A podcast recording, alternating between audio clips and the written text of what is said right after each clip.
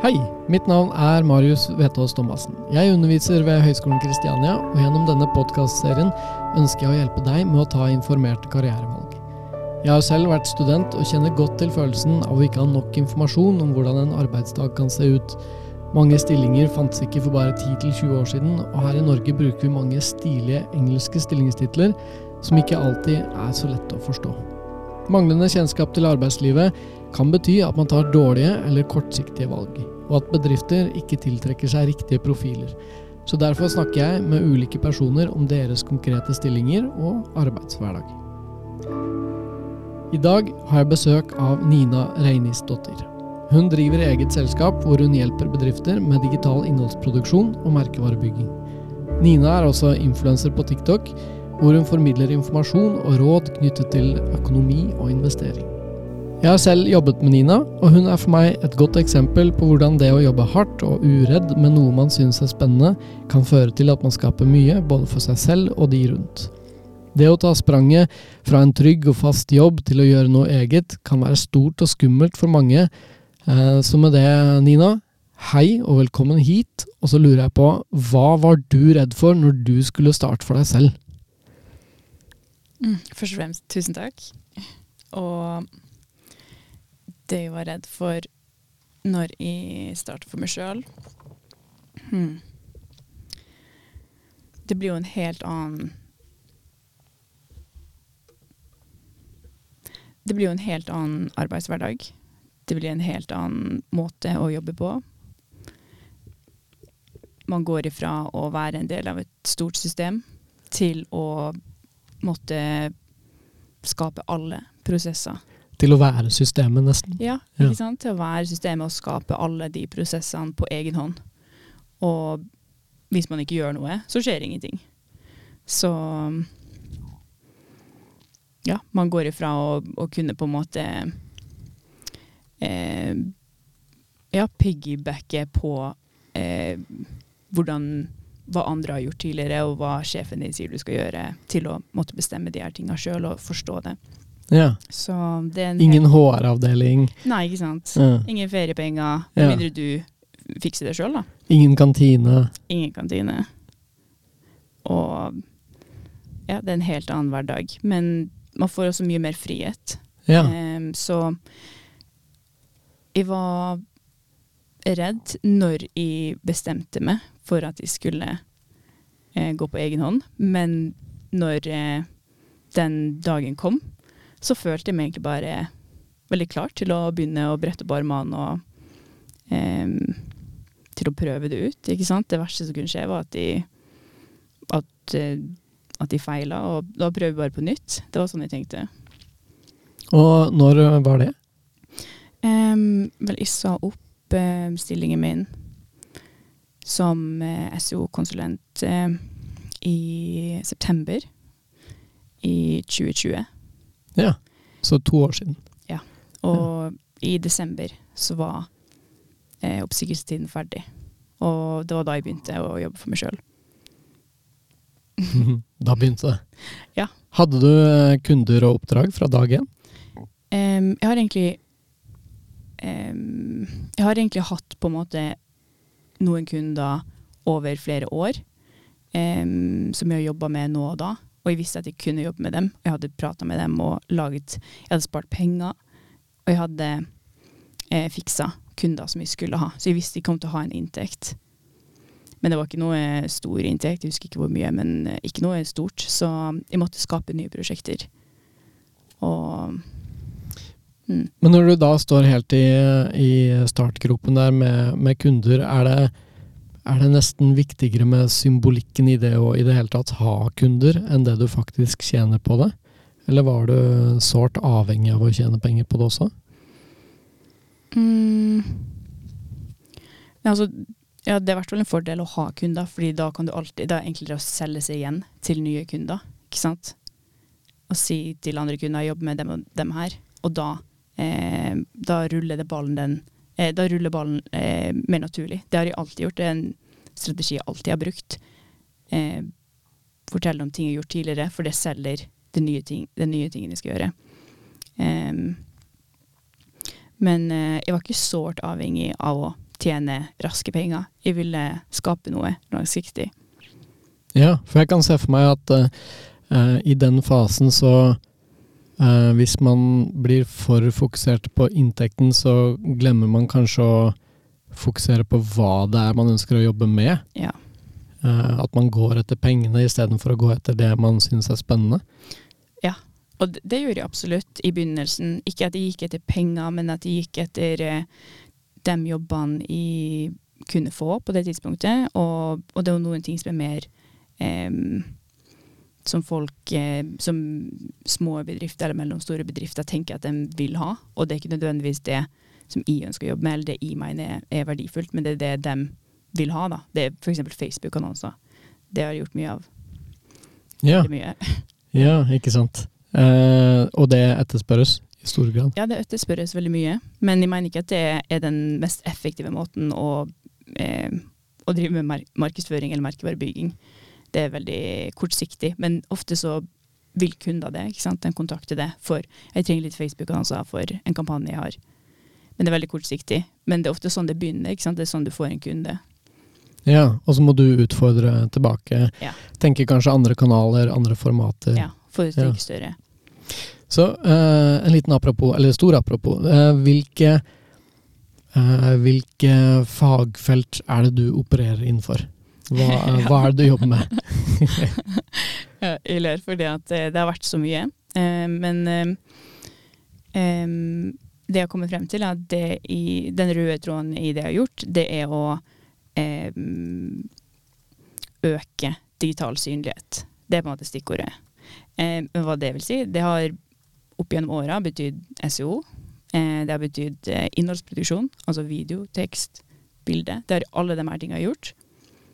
Jeg har også gjort mye annonser. Og sosiale medier-strategier. Og, og, og se på å optimalisere en nettside for kjøp. CRO. ja. Eh, er det, er det, noe du ikke har gjort knyttet til digital synlighet? Eh, det er noen ting jeg er bedre på enn andre ting. Ja. Og det er det jeg gjør nå, da. For man kan ikke være god på alt, ikke sant. Ja. Eh, men det, men det, det lønnes òg å ha en viss forståelse for mange prosesser, fordi det veldig mange prosesser er overlappende. ikke sant? Det, det er jo bare vi som har gjort det om til veldig spesialiserte fagfelt. Ja. Og fått spesielle folk til å gjøre de her eh, små prosessene, egentlig. Men hvis man løfter blikket litt og ser det store bildet, så ser man at alt handler egentlig bare om salg, og alt handler om merkevarebygging. Og um, Ja, så det er mye overlappende. Um, ja, Så de, de ulike uh, kanalene som du hjelper uh, bedrifter med å være til stede i, de, det flyter litt inn i hverandre hvordan man kan jobbe med det? Ja, det gjør det. Det gjør det. Ja, eh, bare så eh, vi får med lytterne på noen av disse eh, forkortelsene og sånn også. Du nevnte CRO, som er konverteringsoptimalisering. Som er da en Det er jo en arbeidsmetodikk, men det er også et, et fagfelt som, som, som dekker over det at man jobber med å få en nettside til å levere bedre på sine mål. Hvis en nettside skal selge noe, så gjør vi uh, ting på den nettsiden som gjør at den selger mer. Ikke sant? Mm -hmm, mm -hmm. Og så uh, Skal vi se uh, Du nevnte SEO, eller var det bare oppi mitt hode? Du nevnte kanskje. SEO? Ja. ja.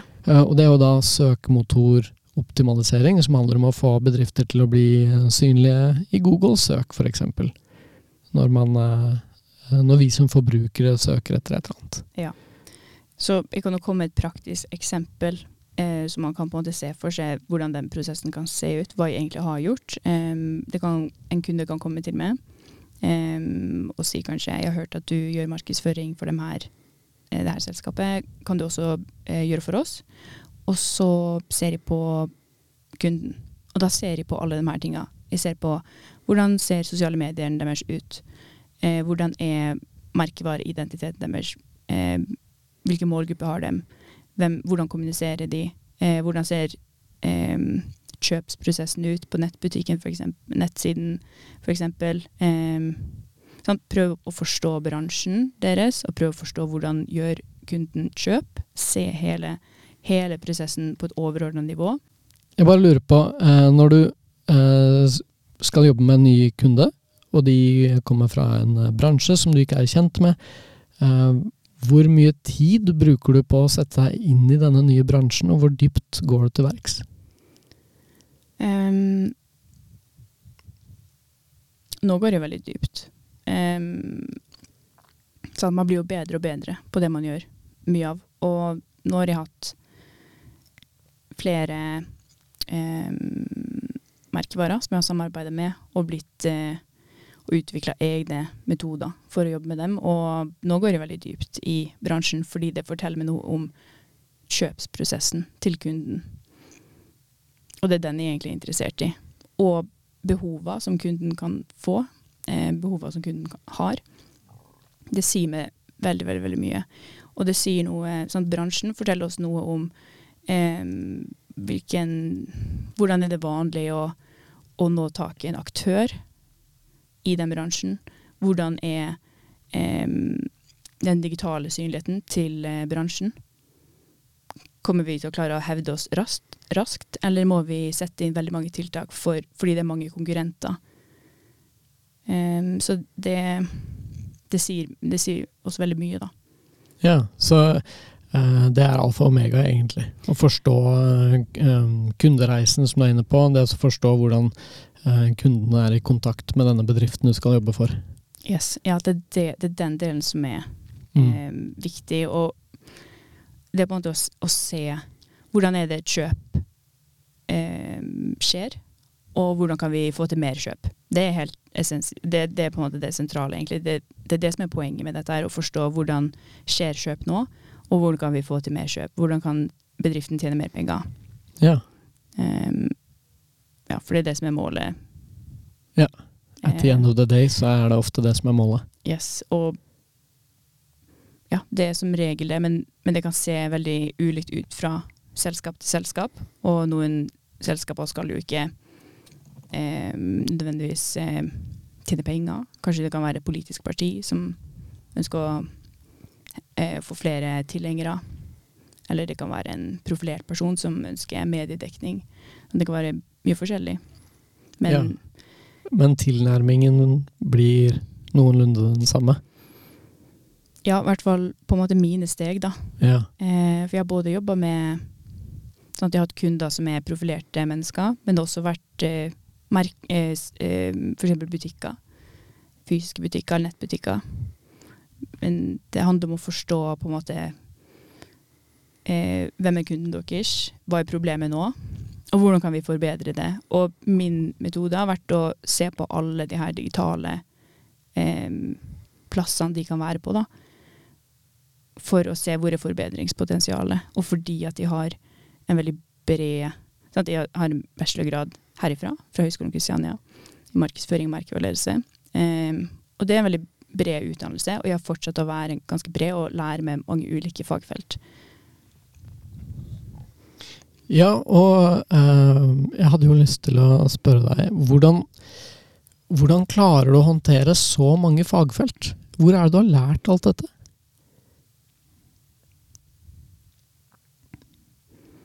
For jeg syns det er mer enn nok å, fokusere på ett fagfelt. Ja. Og så uh, klarer du å, kombinere alle disse inn i en leveranse til en kunde.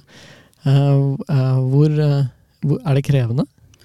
det, har vært, det, har vært, krevende, ja. Fordi at det som jeg på en måte har forstått, er at du kan ikke bli da, Hvis du ønsker å jobbe på den måten, som ikke er nødvendig, du trenger ikke å jobbe på den måten, men hvis man vil det, så man kan ikke være den beste i ja. da, små prosesser. Man må være veldig god på eh, på å se det store bildet. Jeg tror det handler om personlighet. ikke sant? Person, eh, hvordan man ønsker å jobbe, hvordan man ser, hvordan man på en måte approacher en problemstilling. da. Ja. Eh, og det jeg har gjort, er å um, F.eks. hvis de får en kunde, og så ser jeg at uh, de trenger mer uh, At de kunne vært uh, smart å gjøre f.eks. Google-annonser. Da sier de at de trenger det, hvorfor, og ja, vi har dialog på det. Og så henter de da inn noen som er bedre enn meg på det. Ja. Jeg tar på en måte den overordna rollen og sier dette dette trenger vi å gjøre, og så får jeg noen som er bedre enn meg på de tinga som, som er mer eh, eh detaljer. Ja, så, eh, så du eh, du har opparbeidet deg en slags trygghet rundt hvilken rolle du skal spille, og når, når du trenger å involvere andre for å ja. kunne gjøre en best mulig jobb for bedriftene. Yes. Ja, det er noen ting jeg, jeg, jeg gjør sjøl, men ikke alt. Ja. Så noen ting vil jeg at noen andre skal gjøre, fordi du gjør det rett og slett bare bedre. Og, ja. Eh, og hvis jeg skal gjøre alt, så blir man veldig frustrert fort. Fordi ja, det, man kan, kan, ikke kunne alt. Ja. Hva syns du er mest uh, gøy å gjøre selv? Innenfor disse fagfeltene?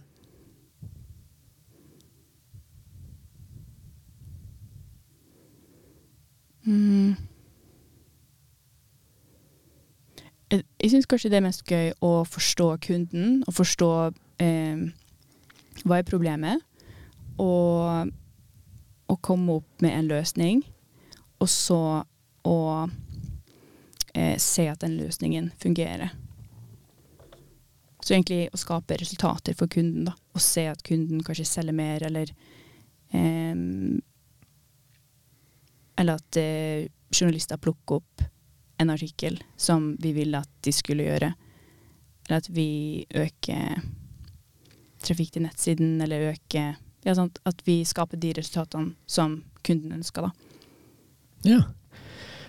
Og uh, la oss gå litt tilbake til uh, utdanningen din. Du sa du studerte her på Høgskolen Kristiania. Ja. Uh, ta oss litt gjennom det. Hvordan var det? Mm, vel, jeg studert, begynte å studere rett etter videregående. Da gikk jeg medier og kommunikasjon, og ville studere noe innenfor media og kommunikasjon. Eh, og det ble markedsføring. Eh, og jeg begynte her i 2015. Og ble ferdig i 2018. Og det jeg lærte her, var veldig, veldig bredt. Og jeg har fått bruk for veldig mye av det på en måte fundamentet, den fundamentale tinga. Det er jo noen forelesere som jeg tror for alle stikker ut som noen som man husker. Man husker de man husker, Jeg husker noen på en måte setninger eller noen epiphanies som jeg fikk når, i en forelesning. Og bare 'Å, ja, det er helt sant. Det der skjønner jeg. Det der gir mening.' Det der, eh, og, så, og sånt har jeg huska. Um, så ja, jeg hadde det veldig bra her, og lært veldig mye og ble kjent med mange som jeg har holdt kontakt med. Ja, Hva var eh, favorittfaget ditt når du studerte? Eh, jeg tror det var forbrukerpsykologi. Ja. Det syns jeg var veldig gøy. Um, jeg syns også reklame og visuell kommunikasjon, det var det faget um, Sånn man, man, kunne velge et spesielt fag sant, som man valgte selv. Da valgte jeg det, og jeg syns det var veldig bra. Det, det lærte meg veldig mye, mye praktisk om eh, hvordan man bygger en merkevareidentitet, hvordan man holder Han foreleseren vi hadde der, var kjempebra. Ja. Hva syns du var mest utfordrende når du studerte?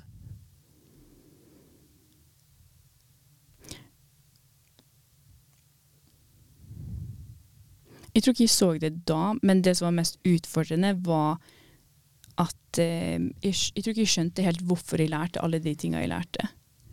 Jeg, ikke, jeg klarte ikke å sette det i perspektiv. Eh, nå skjønner de mye mer. Nå hadde de på en måte, Hvis jeg hadde tatt utdannelsen nå, så hadde de fått en helt annen bruk for den. Noen ting hadde kanskje vært eh, overflødig, men mye av eh, Ja, psykologi er veldig, veldig viktig innenfor markedsføring. I hvert fall hvis du har lyst til å gjøre det bra, hvis du har lyst til å eh, bygge merkevareidentitet. Hvis du har lyst til å jobbe mer teknisk med på en måte ads, f.eks., og jobbe liksom med å endre på de tallene der og by mer på det ordet. Sånn, det er veldig teknisk eh, eh, veldig teknisk arbeid, men hvis man jobber med å bygge merkevare, så handler det veldig mye om psykologi. Hvorfor gjør folk som de gjør? Hvorfor, eh, hvorfor velger de å gjøre dette? Hvorfor ønsker de å kjøpe et sånt produkt? Og da må man forstå mennesker, og det blir man aldri helt klok på. Så man trenger bare masse, masse påfyll. Så jeg tror ikke jeg skjønte det da, men det var veldig viktige timer. Ja, så det er eh, noe som har vokst på deg litt i etterkant? Ja. ja.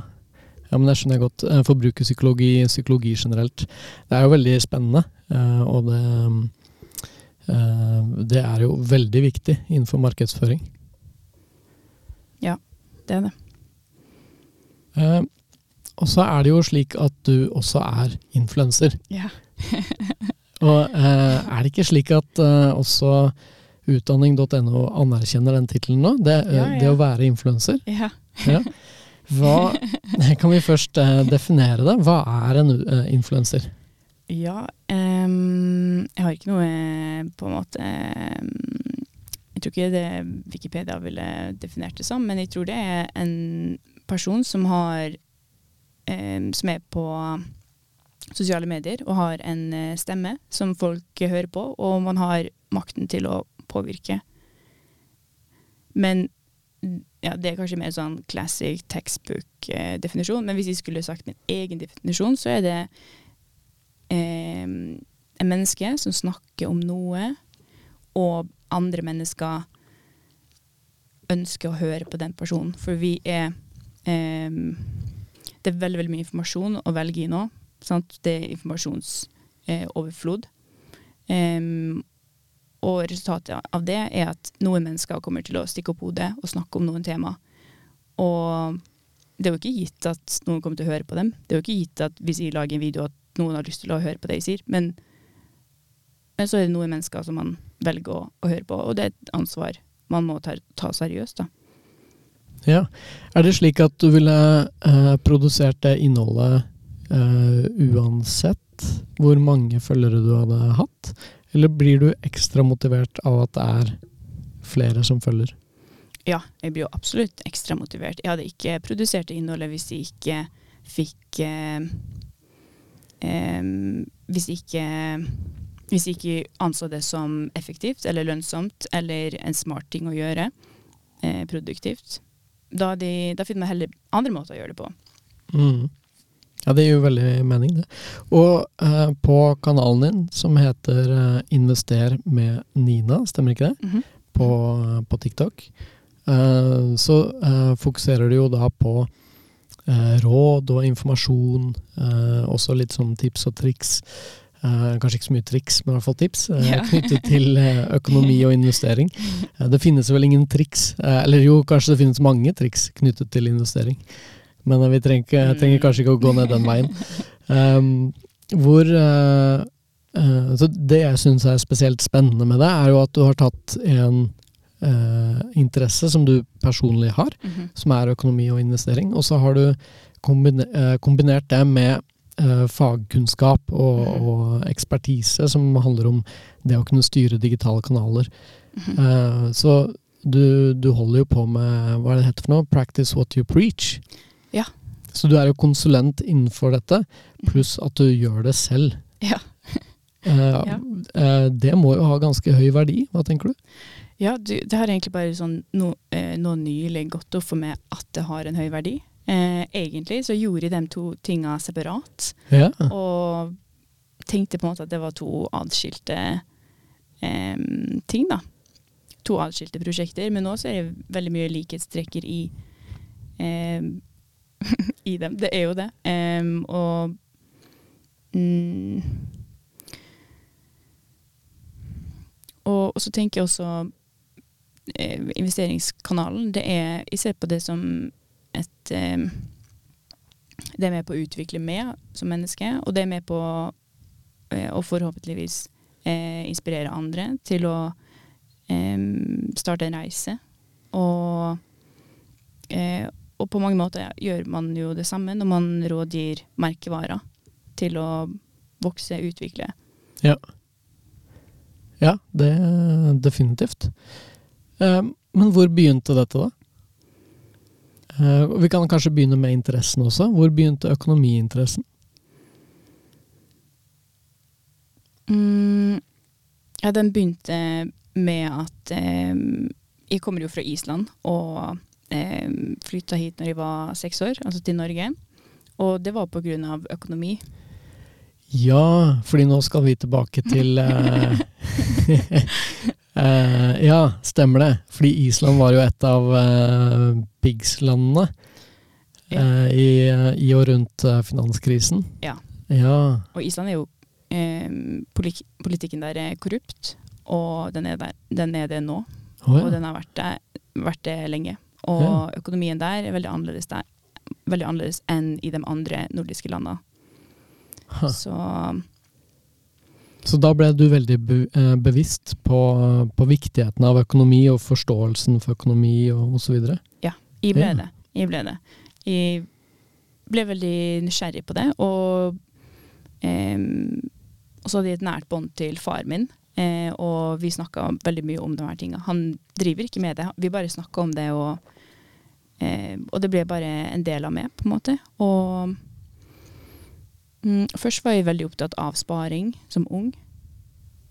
Og så med tiden har jeg blitt langt mer opptatt av investering.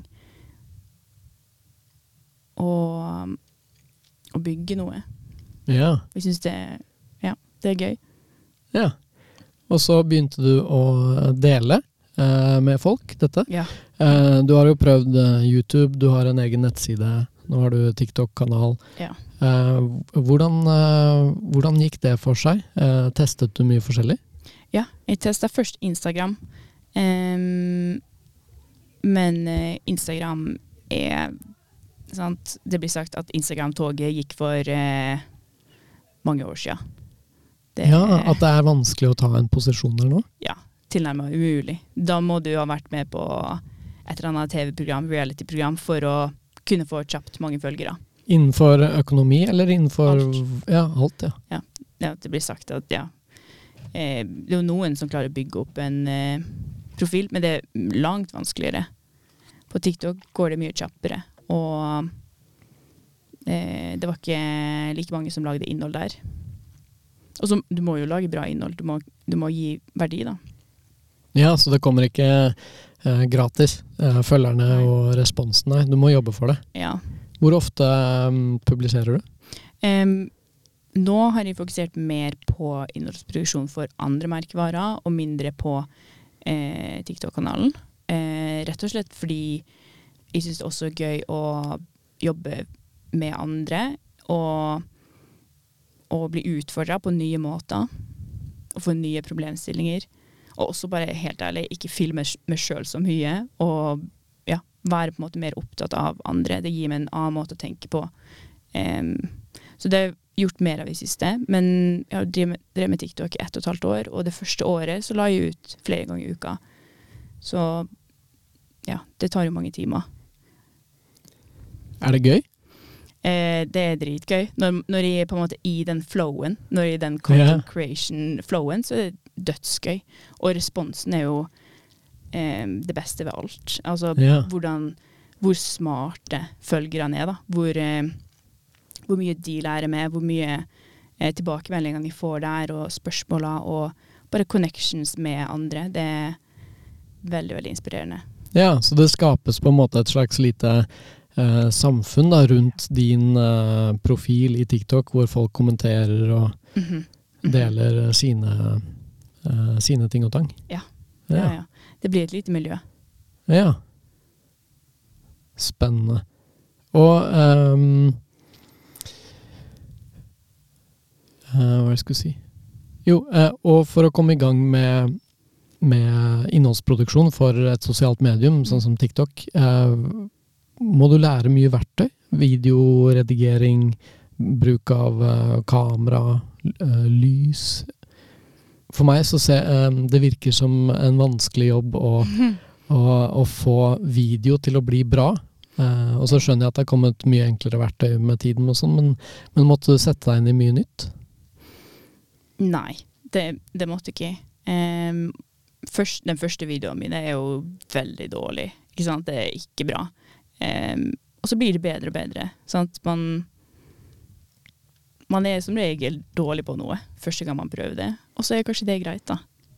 Ja. Og så prøver man videre, og, og, så blir man litt og litt bedre hele tiden. Um, det trenger jo ikke være perfekt, fordi dem som, dem som lytter, dem ønsker å lære. Og man skulle kanskje trodd at sosiale medier, der vil man ha lett og, lett og ledig innhold, gøy innhold, men det er veldig mange som ønsker å lære også. Og TikTok-algoritmen er såpass smart at den klarer på en måte å avbalansere. Eh, sånn at, eh, at det ikke bare blir tunge videoer. Det blir også gøy. Den lager Ja, den blander det på en, eh, en naturlig måte. Ja, den ja. gjør det. Jeg har hørt at uh, TikTok uh, sin feed er drevet av kunstig intelligens. Ja. Det stemmer? Ja. ja. Så ja, sant. Det er algoritmen Ja. eh, gjør det der. Sånn at folk ikke ja, Det er det sosiale mediumet som er mest avhengighetsskapende. Eh, gjennomsnittlig er eh, sånn Worldwide så er vi 1,5 timer på Eller dem som har TikTok, da. Eh, 1,5 timer daglig på appen. Og til sammenligning, for referanse, så er man ca. på Facebook, eh, Instagram, Snapchat i ca. en halvtime. Men TikTok er 1,5 timer. Så folk blar der og ser på lenge, da. Ja. Eh, jeg får jo litt lyst til å spørre, syns du det er skremmende også?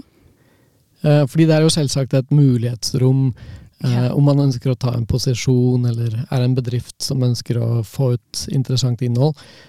Men er det også noe skremmende ved at vi har brukt, eller at vi bruker så mye tid i et, i et sosialt medium? Ja, jeg ville sagt det. Jeg gjør ikke det. Og jeg prøver å holde meg unna eh, å være Jeg prøver å være veldig lite på mobilen min. Eh, hvis jeg ønsker kunnskap, så går jeg spesifikt inn på profilen til noen. Eh, så hører jeg mye på lydbøker, podkast osv. Men jeg syns at eh, ja, det er definitivt. Vi går i en retning der vi eh, bruker mer og mer sosiale medier, men det er jo også eh, slik at vi bruker mindre TV og mer TikTok, for eksempel. Så det er ikke Ja, det erstatter noe, på en måte. Ja. Ja, ikke sant. Så det, eh, det er bare en annen skjerm også, Ja, til en viss grad. Ja, jeg tror det. Ja, men det gir mening. Så ehm, du er jo da uh, frilanser, eller du, du jobber med, eh, med eget foretak, og du er Mhm. influenser. Eh, jeg kan se for meg at eh, eh, det kan fort bli litt mye. Hvor, hvor, hvor, hva gjør du for å koble av? Eh, hvordan eh, setter du eh, hva heter det for noe sånn tydelig eh, vegg mellom ok, dette er eh, privatliv, ikke jobb, og når du er på jobb? ja, det er et bra spørsmål. um, for min del så er det um, Det går jo veldig mye i ett. Det blir jo veldig samla. Fordi jeg er min egen merkevare, og jeg er en rådgiver som uh, sant? Det, det er always on, da. Um, men for å slappe av, så Det er mange ting jeg gjør personlig for å på en måte koble av. Men eh, ja, det er sånn det er å drive for seg sjøl. Det er jo helt andre arbeidstider. Eh, men så kan man også ta fri når man vil. Og eh, hvis man jobber smart, så kan man finne eh, lukrative avtaler. Sånn så man, slipper så man kan jobbe mindre. Ja, ikke sant. Så jeg har jobba ikke så mye dette året. Ja. Så rett og slett eh, jobbe for eh, profittmarginen. At, eh, at eh, man kan jobbe smart, Mm. ikke nødvendigvis mer. Ja, det har på en måte vært eh, en utfordring jeg har gitt meg sjøl. Hvordan kan jeg jobbe smartest mulig? Hvordan kan jeg lære mest mulig og eh, ja, jobbe smart samtidig? Ja. Inspirerende. Virkelig. Uh, og um, apropos inspirerende. vi snakket jo om det rett før vi gikk på, at denne eh, Vi ville ikke at denne episoden skulle handle om eh, kvinner og entreprenørskap. Ja. Eh, fordi det er jo et stort tema i seg selv, og vi Mm. trenger ikke å gå så i dybden på det. Men det er interessant å bare nevne det at eh, Så dette er statistikk fra Innovasjon Norge, eh, som sier at eh, blant de som ønsker å starte egen bedrift, så det er jo da ønskebare, der er kjønnsfordelingen 55-45 eh, blant menn og kvinner. Eh, og blant de som faktisk starter en bedrift, så er kvinneandelen nede i 30. Og blant de som har overlevd med egen eh, bedrift, eller eh, organisasjon, for den saks skyld, så er kvinneandelen nede i 19% etter fem år. Hva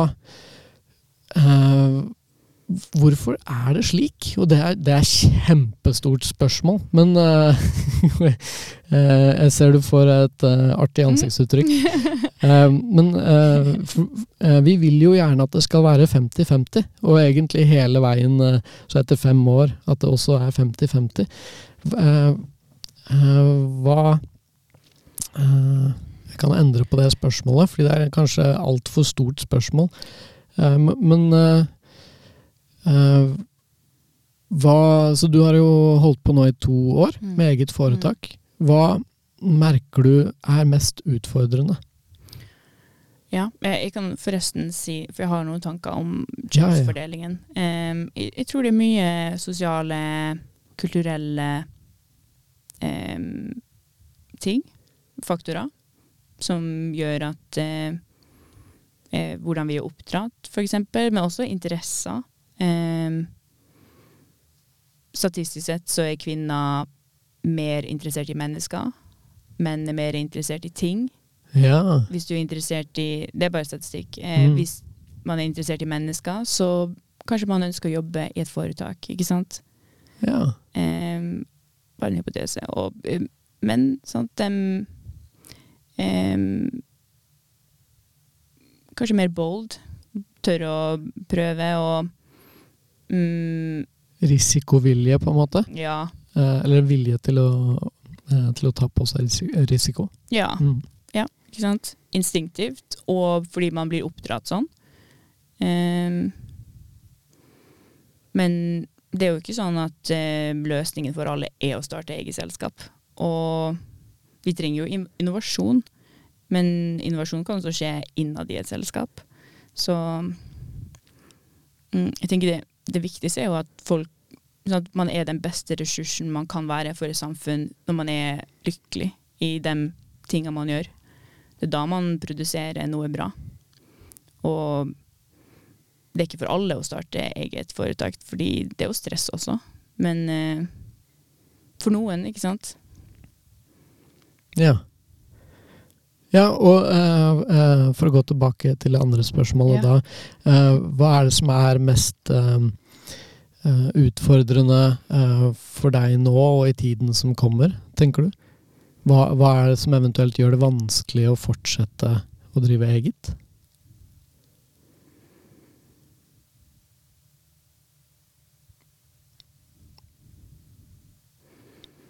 Um, Vi går jo imot um, Vi er jo i en um, økonomisk nedgangstid. Ja. Det kan bety mindre eh, markedsbudsjett. Det kan bety mindre eh, overskudds At de menneskene At eh, nordmenn har mindre overskuddspenger eh, som de sparer mer på. Så da vil de kanskje ikke kjøpe mine tjenester, mine produkter som vi tilbyr på min kanal.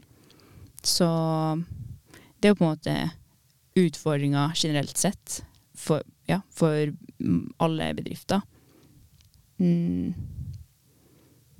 Men det jo det å drive eget selskap, det er en livsstil. Ikke sant? Så du må på en måte, man må bare embrace det som skjer, og tenke muligheter, da. For det er alltid, det er alltid en mulighet.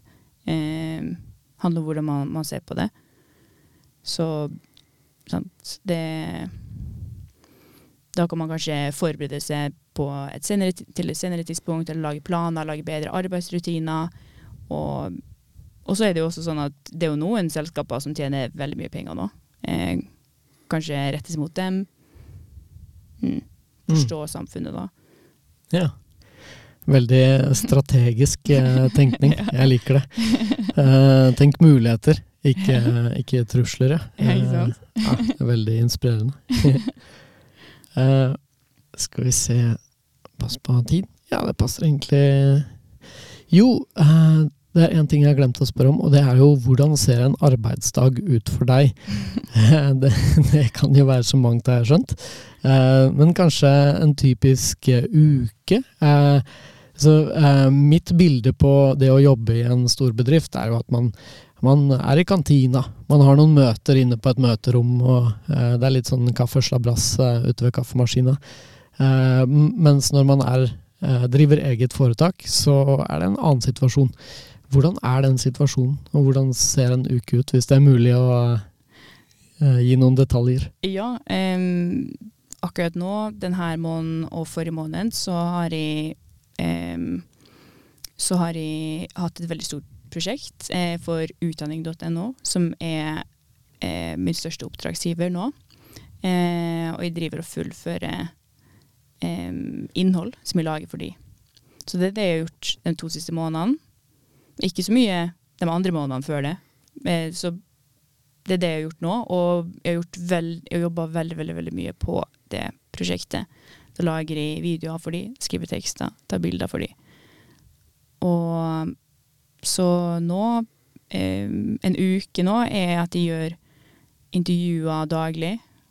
Og eh, da drar jeg ut til noen eh, og ja, filmer innhold, tar innhold, gjør det jeg skal for å få innholdet, og, og så drar jeg hjem og redigerer det. Og så setter de opp ulike sånn, når jeg skal redigere, når jeg skal gjøre intervju, sånn at de klarer å jobbe eh, effektivt. da. Ja. Eh, men før det eh, så jobba jeg eh, mye mindre, i kanskje to, to måneder eller noe sånt. Da jobba jeg veldig lite. For da brukte jeg veldig mye tid på å lære meg nye eh, lære meg nye ting. Så jobba jeg nesten ikke, og tok meg tid til å gjøre det. Bare lære, og også bare slappe av, egentlig. For det går litt rykk og napp. Fordi at jeg ønsker det. Jeg liker på en måte å, å, og kunne bestemme.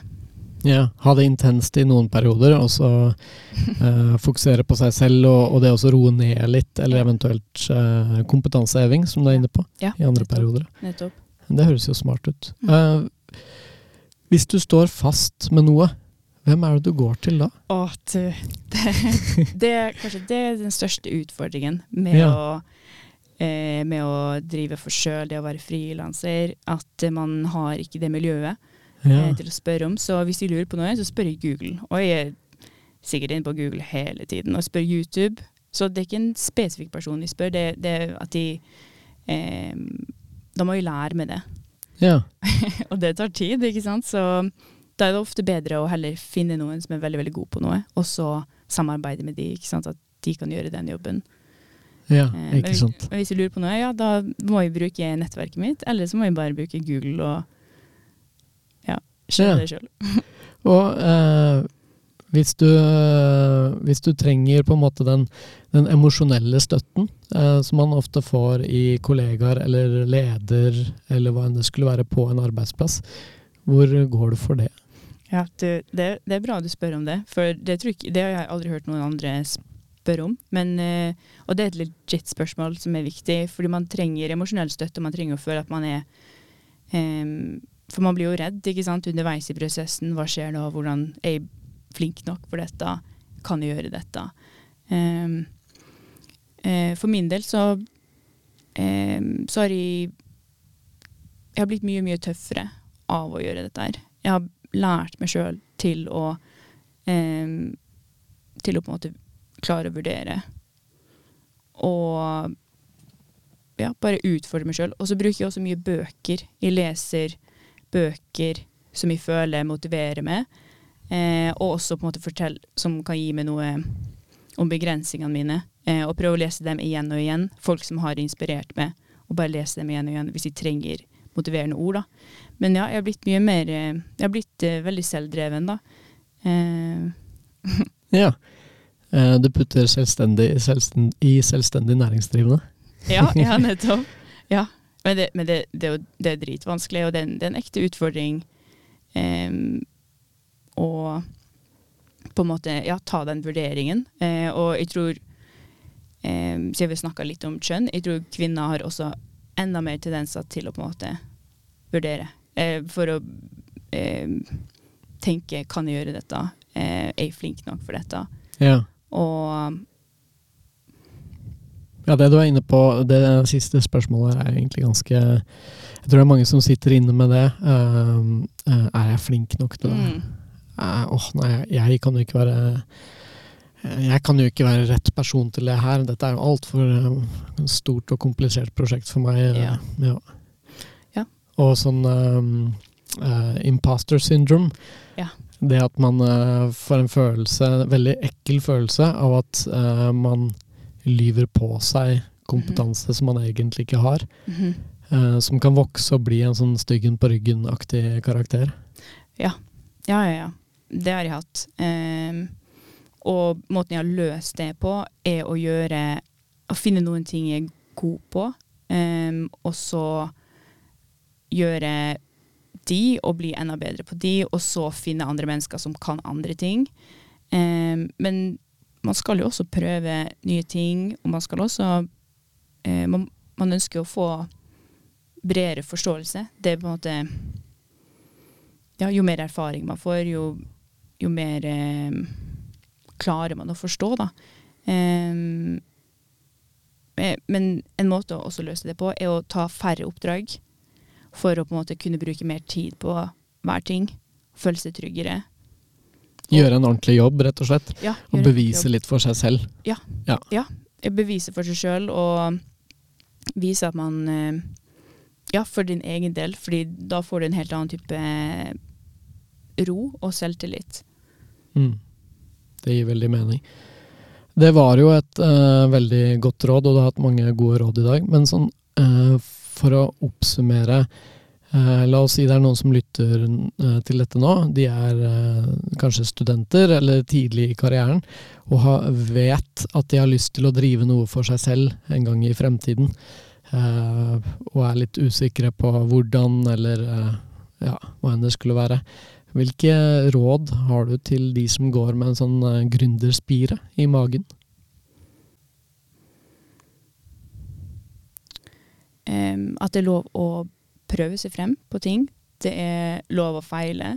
Jeg feiler hele tiden. Jeg, ja, av og til daglig, liksom. Altså, ja, det er daglig. Um, og, og, det er ikke farlig. Det gjør vi alle, på en måte. Å se dum ut, det, det, gjør man eh, Det gjør jeg ofte. Og um, så ikke, ikke tenke for mye på det. Um, tenke mer på om det man skal gjøre, er noe man genuint mener, fordi det kommer til å bli vanskelig. Og mm, ikke være så opptatt av eh, penger. Nå har jeg en kanal om penger, så det er litt merkelig å si. Men eh, mm, å være opptatt av å gi noen andre eh, verdi, da. Fordi eh, det er mye enklere å stå opp og gjøre de tingene man må gjøre hvis man føler at man gjør noe større enn seg sjøl. Så å ha litt den type tanke. Og det er en, veldig, det er en trend nå å ville starte eget foretak. Eh, og Norge trenger jo innovasjon. Så Men det er veldig annerledes å, å, eh, å ha et eget foretak og å tjene ekte penger. Sant? man må um, kanskje Ja, det er en forståelse man får etter hvert, da. Men eh, egentlig tipset er bare å, hvis du ønsker det, bare prøv det, liksom. Det verste skjer er at du ikke liker det, og da gjør du bare noe annet. Så ja. Veldig fint. Du, Nina, tusen takk for at du tok uh, turen innom. Veldig, veldig hyggelig. I dag har du fått hilse på Nina Reinisdottir. Hun driver eget foretak og er økonomiinfluenser på TikTok. Denne episoden ble laget i samarbeid med Senter for pedagogisk utvikling og læringsteknologi samt Karrieresenteret her på Høgskolen Kristiania. Følg med videre for flere samtaler, og ønsker du å høre erfaringer fra én konkret yrkesretning, send meg gjerne en e-post på mariusvth at gmail.com.